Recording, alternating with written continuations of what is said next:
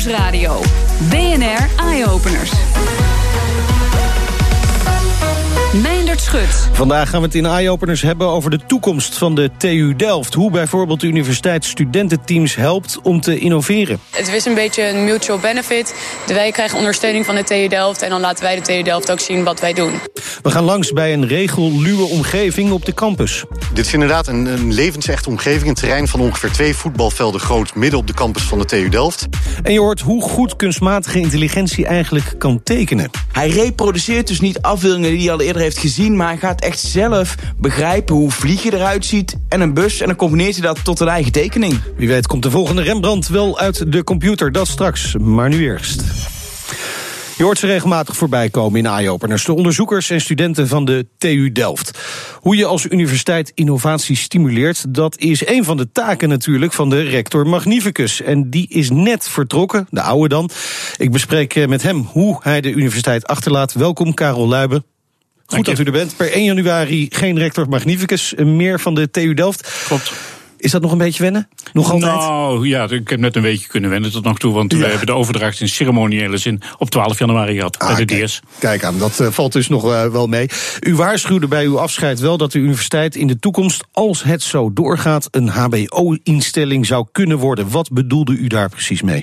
Nou, dat heeft natuurlijk betrekking op het feit dat een HBO ongeveer 15% van zijn middelen beschikbaar heeft voor onderzoekstaken. En dat wij in het verleden zo'n 75% en tegenwoordig onder de 50% beschikbaar hebben voor onderzoekstaken. En dat komt doordat. De studentenaantallen drastisch zijn toegenomen. Heel mooi. Hè, goed voor de BV Nederland. Maar dat de financiering daar duidelijk bij achterblijft. Ja, en dat is dus niet goed. U waarschuwt dus, er moet meer geld bij. Daar komt het op neer. Of meer geld of minder studenten. Dat zijn de enige twee oplossingen die ik precies, zie. ja. Dat is een andere factor natuurlijk. Niet mijn voorkeur, dat nee, laatste. precies, dat kan ik begrijpen. We praten zo verder over eh, de studenten. Onze verslaggever Thomas Schuurman die is langsgegaan in Delft... om te kijken bij een eh, studenten Dream Team project, March. Zij kunnen als student langdurig aan hun droomproject sleutelen. Luister even mee. We zijn even naar een eh, andere hal gelopen. Naast mij staat uh, Magali Pons van het Dream Team Project March. Wat is dat precies? Ja, Project March is een studententeam van de TU Delft dat elk jaar vernieuwt en elk jaar een nieuw exoskelet bouwt. Om met dit exoskelet mensen met een dwarslesie volledige mobiliteit terug te geven. Ja, want een half jaar geleden uh, stonden wij hier eigenlijk ook al, uh, de mensen van de pers. Toen werd het een soort van uh, gelanceerd, dat exoskelet. Nu zijn we een half jaar verder. Staat ook aan en je kunt horen. Ja. Hoe ver zijn jullie nu? Uh, we zijn op dit moment dus bezig met een nieuw team en het ontwerp van een nieuw exoskelet. Dat ontwerp is bijna af en we gaan bijna met produceren. Dus er komt een heel nieuw prototype, dus een nieuw fysiek pak. Uh, en we hebben dit jaar ook een andere piloot, een andere dwarslezenpatiënt waarmee we samenwerken. Hij ziet er dus iets anders uit qua dimensies, maar ook qua features die erop zitten. En daarmee gaan we weer trainen en weer deelnemen aan de wedstrijd. Hopelijk winnen. En dus laten zien dat wij echt er te doen en mensen met een dwarslesie daadwerkelijk mobiliteit terug kunnen geven. Jullie mogen hier toch wel min of meer jullie gang gaan, uh, als we het zo mogen omschrijven. Uh, Karel Luiben is de rector die net afscheid heeft genomen. Is hij wel iemand die hier regelmatig uh, een kijkje komt nemen? Ja, ik heb zelf één keer een presentatie voor de heer Luiben gegeven. Hij laat gewoon graag dit project zien en ook andere projecten hier in de Dream Hall. Omdat het daadwerkelijk wel de innovaties zijn van de TU Delft.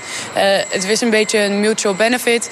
Wij krijgen ondersteuning van de TU Delft en dan laten wij de TU Delft ook zien wat wij doen. Ja, dus via crowdfunding geloof ik, hè, dat zij daarbij ja. ondersteunen. Hoe werkt dat? Uh, nou, wij doen nu een crowdfundingcampagne om de joints te kunnen ondersteunen. Dat gaat via het Universiteitsfonds van Delft. Dus zij leveren het platform. Dat is www.supporttudelft.nl slash project. En ons project heet dan Make Us March. Want het is echt... Hele mond vol allemaal bij elkaar. Ja, Make Us March, dat is wat je moet onthouden. Want op die manier kunnen we daadwerkelijk weer de middelen verzamelen... om het exoskelet te realiseren dit jaar. En er dus voor te zorgen dat een dwarsleespatiënt weer kan lopen. En dat zei Magali Pons. Uh, zijn dit nou de voorbeelden van, van onderzoek... die onder druk zouden kunnen komen te staan... als uh, die onderzoeks dat onderzoeksdeel van de universiteit steeds kleiner wordt? Nee, ik denk dat dit een voorbeeld is van wat studenten realiseren in studentenprojecten. Ja. En eh, op het moment dat we niet meer de ruimte hebben in financiële zin om de studenten dit soort dingen te kunnen laten doen naast hun studie, dan komt dit wel degelijk ook onder druk. Nee, ik bedoel toch werkelijk het onderzoek met promovendi en postdocs, wat in allerlei projecten plaatsvindt, die binnen de laboratoria van de universiteit zelf plaatsvinden. Dit is de Dream Hall die we met name voor studentenprojecten hebben. Het is dus, het, het is dus lastig om die keuze te maken. Aan de ene kant wil je natuurlijk uh, mensen opleiden. Uh, daar vraagt het bedrijfsleven ook om. Aan de andere kant wil je uiteraard als universiteit dat onderzoek gaan doen. Uh, en, en dat bedrijfsleven, dat trekt ongetwijfeld aan uw mouw. Ja, maar het is niet uh, of of, het is per definitie en en. Kijk, op het moment dat de student binnenkomt van de middelbare school, is de hoeveelheid onderzoek die je de eerste weken nodig hebt om die persoon op te leiden verwaarloosbaar klein. Maar op het moment dat iemand tegen het einde van zijn promotieproject zit, als iemand de stappen bachelor, master en PhD zou doorlopen, dan is het 100% van de tijd geworden. Dus in de loop der tijden moet de hoeveelheid onderzoek steeds groter worden. Steeds groter worden kort en goed, het kunt dus niet zeggen het is of onderzoek of onderwijs. Het, is, altijd allebei. Alleen de verhouding is niet meer zoals u hem had willen zien. Correct. Ja, en, en toch, die, uw, uw universiteit heeft numerus fixus voor enkele studies afgekondigd. Is dat dan wel echt het juiste middel? Uh, uiteindelijk natuurlijk afhankelijk van wat je als grootte in zijn totaliteit wilt neerzetten als universiteit wel. Maar uh, op dit moment zouden we dat liever voorkomen door een adequate financiering uh, die de balans onderwijsonderzoek goed houdt. Ja, want het lastig is, die bedrijven die schreeuwen om hoogopgeleid technisch personeel. Die hebben het ook nodig. Ja, en daar willen we ook graag aan voldoen. Maar dat lukt niet. Op deze manier, toch? Dat, uh, op, dat kan niet zo doorgaan. nee, nee, dat kan niet zo doorgaan. Maar wat, wat is dan, want u heeft daar vast over nagedacht, dat weet ik wel zeker. Wat is de oplossing? Is dat alleen maar uh, met de vinger naar de overheid wijzen en zeggen Stop er eens wat meer geld in? Nee, dat is nee, even iets te simpel gezegd. Helder uitleggen waarom het zo is. Helder uitleggen hoe het bekostigingssysteem van de universiteit in elkaar zit. Helder uitleggen dat techniek opgeleiden aanzienlijk duurder zijn dan mensen die in de rechten, economie of in de sociologie worden opgeleid, met alle respect. En op die manier samen met de overheid, en daar hebben we ook heel hard aan gewerkt. En deze overheid is ook gevoelig hiervoor. Lees het uh regeerakkoord. Samen met de overheid bijvoorbeeld een ander bekostigingsmodel vinden. En dat wil dus niet zeggen altijd geld erbij, maar wellicht een andere verdeling. Wat voor model is dat dan? Nou, in het huidige model is het zo dat de alpha-gamma-opleidingen, zoals wij dat noemen, eh, een factor 1 kennen in een bepaalde formule. Techniek een factor 1,5 en medisch een factor 3. En je zou aan die factoren kunnen sleutelen. Je zou bijvoorbeeld die voor medisch en techniek kunnen omwisselen. Nee, alpha, alpha, dat zijn talen bijvoorbeeld. Eh, talen, gamma, uh, biologie. economie, rechten enzovoorts. Ja, ja. ja. en beta, dat is de techniek. Ja. Waaronder andere, met name de TU Delft, zich natuurlijk op richt. Ja, ik wil uitdrukkelijk toch stellen dat we het over beta en techniek hebben. En dat ook in heel veel algemene universiteiten een beta-faculteit aanwezig is, die natuurlijk. aan hetzelfde uh, probleem uh, leidt. Ja, ja. Maar, maar moet er dan geld uh, van die alpha-gamma-studies naar de beta-studies gaan? Um, ik denk dat die verdeelfactoren anders zouden kunnen. Uh, inderdaad zou er een stukje wellicht daar af kunnen. Wellicht kan er ook uh, omdraaien van de factor medisch ten opzichte van techniek beta gebeuren. Ja. Toch kijkt u naar, naar de overheid met name. Terwijl ik denk, ja, die bedrijven, die grote technische bedrijven, en er zijn er wel een paar te noemen, ook hier in Nederland, die schreeuwen om dat personeel. Waarom laten we die bedrijven niet gewoon betalen? Die bedrijven betalen belasting. En de structuur in Nederland en in heel Europa is trouwens nou ja. dat via die belasting het onderwijs bekostigd ja. wordt. Ja, ik dus denk wel gelijk even aan de dividendbelasting. Ja, daar zullen we het maar niet over hebben. Dat had, een andere keuze, dat had een andere keuze nou, kunnen zijn. Dan was het opgelost, toch? Ja. ja. ja. Hoewel andere takken van sport dat ook zeggen natuurlijk. Ja. Maar, maar is, is dat toch niet een, een, een, idee om te kijken of het bedrijfsleven niet een wat grotere bijdrage kan leveren? Ook misschien direct in de universiteit? Dat doen we al jaren en dat, doet de universiteit, dat doen de bedrijven, sorry ook maar dat is in de zin van projecten en projectfinanciering. En dat lijkt mij ook een logische wijze waarop dat gaat. Dus per project is er een bijdrage vaak van het bedrijfsleven. We hebben bijna al onze projecten samen met het bedrijfsleven. En die, bedrijf, die bijdrage van dat bedrijf kan variëren tussen de 0 en de 100 procent, maar zit meestal tussen de 0 en de 50 procent. Dat is het onderzoeksbijdrage. Dan nog hebben wij met het onderzoeksgeld wat we hebben van de overheid de andere 50 procent te leveren. Ofwel, op een gegeven moment houdt het gewoon op. Dan kan het niet verder. Ja. ja, maar we zouden ook kunnen zeggen... dat het eh, geld van het bedrijfsleven... dat gaat naar het opleiden van studenten... die die bedrijven heel hard nodig hebben...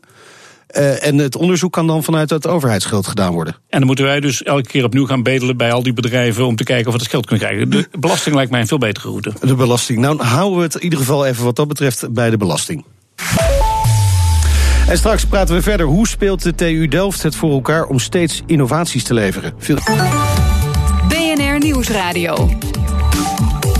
BNR Eye-Openers. Nog altijd bij mij is eh, voormalig rector magnificus van de TU Delft, Karel Luiben. We hadden het net over de financiering van het onderzoek. En dan heb je het over geld. En dat is veel minder interessant dan het onderzoek zelf natuurlijk. Primaire taak van een universiteit is het doen van dat onderzoek.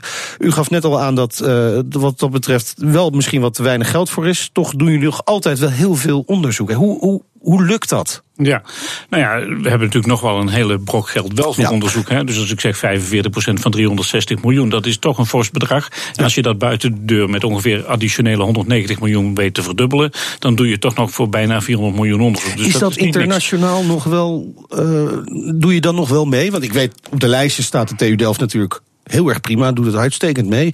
Maar. eh, we zien het ook bij de voetbalclubs natuurlijk. Nederlandse clubs ten opzichte van de top. Dat zijn enorme eh, verschillen in bedragen. Geldt dat voor universiteiten ook? Nou, dat werkt ietsjes anders. Je kunt ook een kleine universiteit hebben en een grote universiteit. En wij zijn een middelgrote. Dus dat is op zich niet nodig om, laat ik zeggen, boven de 500 miljoen aan onderzoek uit te komen. Dat zou het niet per definitie beter maken. Nee, de kwaliteit zit hem natuurlijk gewoon in het systematisch kwaliteit nastreven. Maar wat we vergeten hebben te noemen is het feit dat eh, de werkdruk enorm is verhoogd. Dus we produceren nog wel zoveel. Maar dat gaat wel over de rug van onze medewerkers. Die ja, gemiddeld genomen als. Ik het heb over de wetenschappelijke medewerkers. En daarin worden de ondersteuners meegesleept. eh, toch zo'n 60 uur per week maken. Ja, dat zie je ook in het bedrijfsleven. Ehm, eh, dus wat dat betreft, de, werkdruk is hoog dan, kun je zeggen. Is het ook de grens bereikt daarmee? Nou ja, op het moment dat je meer middelen hebt, kun je ook meer mensen inzetten. hè. ja. Dus in zijn totaliteit leiden we meer mensen in de techniek op. Dus we zouden ook meer mensen in de techniek kunnen inzetten voor het opleiden van Ja, mensen. maar dat is nog niet helemaal het antwoord op mijn vraag of de grens daarmee bereikt is. In welke zin de grens dan? Dat je niet meer verder kunt op een gegeven moment. Dat, dat als, als die verhoudingen nog verder verschuiven, dat het onderzoek Oh, eronder ja, zal moeten ja. leiden. Ja, nou, dus wij moeten kiezen voor of een numerus fixus of een andere ja, ja. O- Of de universiteit op een andere manier inrichten. Dat zou ook nog kunnen. Want de TU Delft is natuurlijk nog wel een behoorlijk brede universiteit. Je zou Mhm. ook het aantal eh, onderzoeksvelden kunnen beperken. Dat kan, hebben we in het verleden ook gedaan. eh, maar daarmee neemt de verhouding niet eh, toe. Het aantal studenten blijft gelijk. Nee, dat, dat, dat is waar. Goed, laten we overschakelen naar het onderzoek dat jullie nog wel kunnen doen natuurlijk. Een deel daarvan eh, doen jullie in field labs. Wat houdt dat precies in?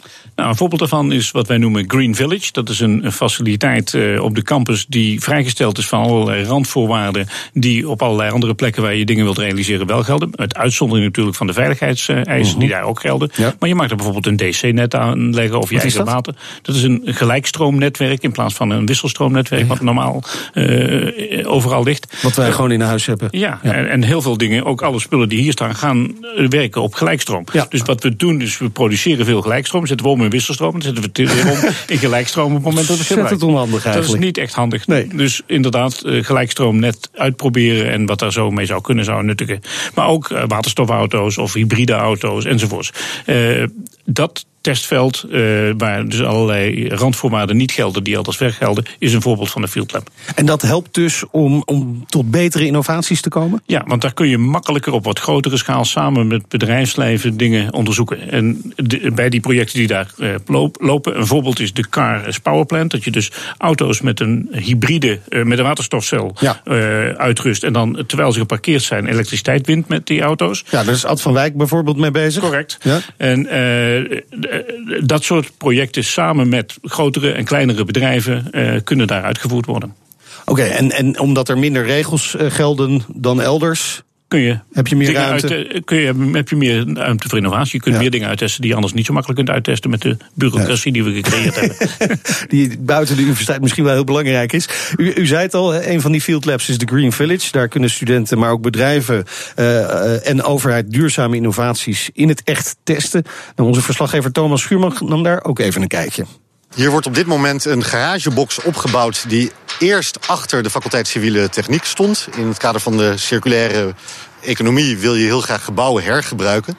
En dat hebben we hier geprobeerd te doen, want ehm, het is in de praktijk erg moeilijk om een gebouw dat niet als eh, herbruikbaar ontworpen is, om opnieuw op te bouwen. En je ziet dat hier partijen dus tegen een heleboel problemen aanlopen ja, bij het implementeren daarvan. Jaron eh, Wijshut van The Green Village. Jullie zijn eigenlijk een lab, als ik het zo mag zeggen, van de TU Delft. Maar dan wel eh, real-time, hè? Toch voor iemand die het niet kent, wat doen jullie precies? Dit is inderdaad een, een levensechte omgeving. Een terrein van ongeveer twee voetbalvelden groot... midden op de campus van de TU Delft. Een proeftuin voor bedrijven, wetenschappers... maar ook voor overheden om innovaties te testen... die bijdragen aan een duurzame toekomst. Ja, want daar gaat het om, hè? Duurzaam. Dat is uiteindelijk waar we als samenleving naartoe moeten. Maar wat je ziet is dat al die innovaties in de praktijk tegen allerlei knelpunten aanlopen. Op het gebied van de technologie in een systeem, op het gebied van verdienmodellen, of de maatschappij het omarmt. En uh, of de wet en regelgeving daaraan uh, voldoet en daarbij past. En de rector uh, zwaait dus, is net afgezwaaid.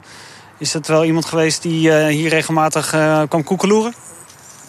Nou, hij had een enorm drukke agenda, maar hij is cruciaal geweest in de ontwikkeling tot de Green Village zoals het er nu staat. Cruciaal zelfs? Ja, want hij heeft, uh, echt, was echt een voorvechter om te laten zien wat er wel niet in de in de TU-labs allemaal achter de schermen gebeurt. Om dat meer naar buiten uh, te brengen. Om dat meer in de context van de maatschappij te brengen.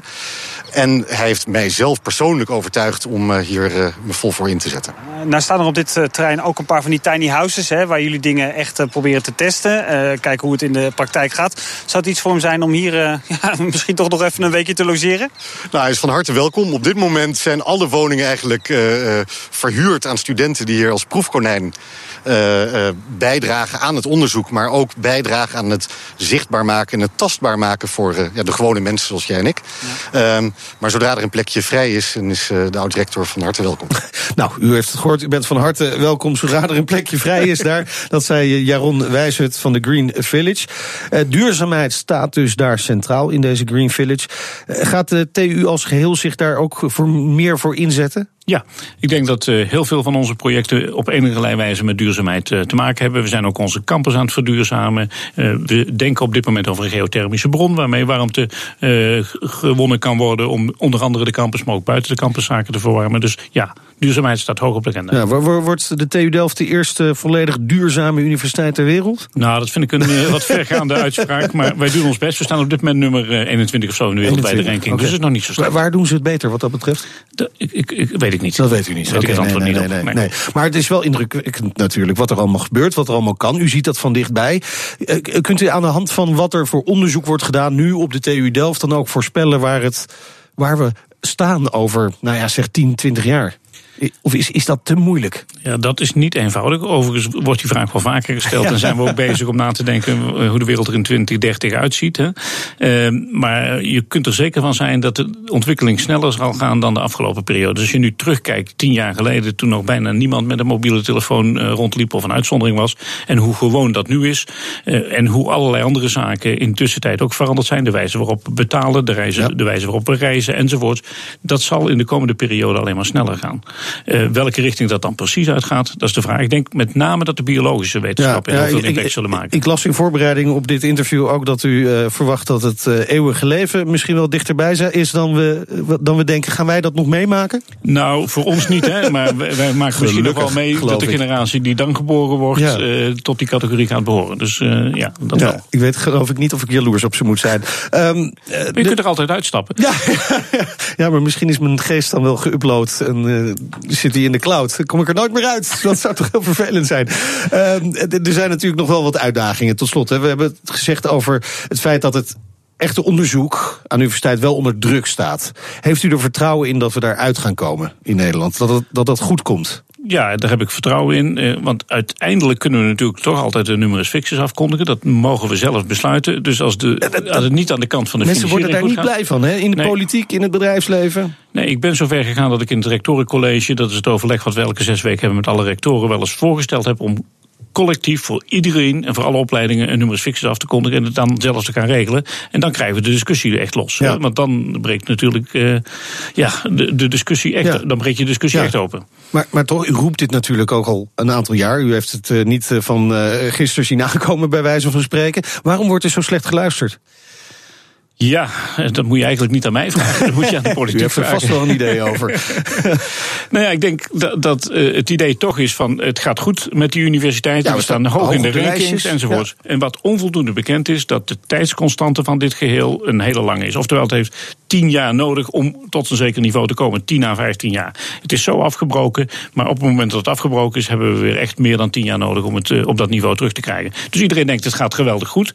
Maar dat is omdat we tien jaar geleden goed gefinancierd werden. Ja, eh, tien jaar geleden werden we dus nog goed gefinancierd. Correct. Is, is het daarna minder geworden? Ja, per student is het fors Ja. afgenomen. En in tussentijd zijn de studentenaantallen fors toegenomen. Overigens niet alleen bij de eh, beta en de techniek. Dat is over de volle breedte dat die studentenaantallen En wanneer gaan we dat dan echt merken als BV Nederland bijvoorbeeld? Nou ja, ik zou zeggen, vraag me over tien jaar nog eens een keer Ja. eh, langs te komen. Ik, eh, de uitnodiging staat bij deze. Hartelijk dank. Vertrekkend rector magnificus van de TU Delft, Karel Luiben. BNR Nieuwsradio. BNR Eye-openers.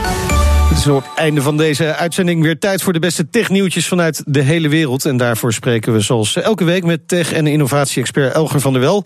Elger, ehm, als eerste Microsoft heeft weer iets bijzonders gedaan met kunstmatige intelligentie. Vertel.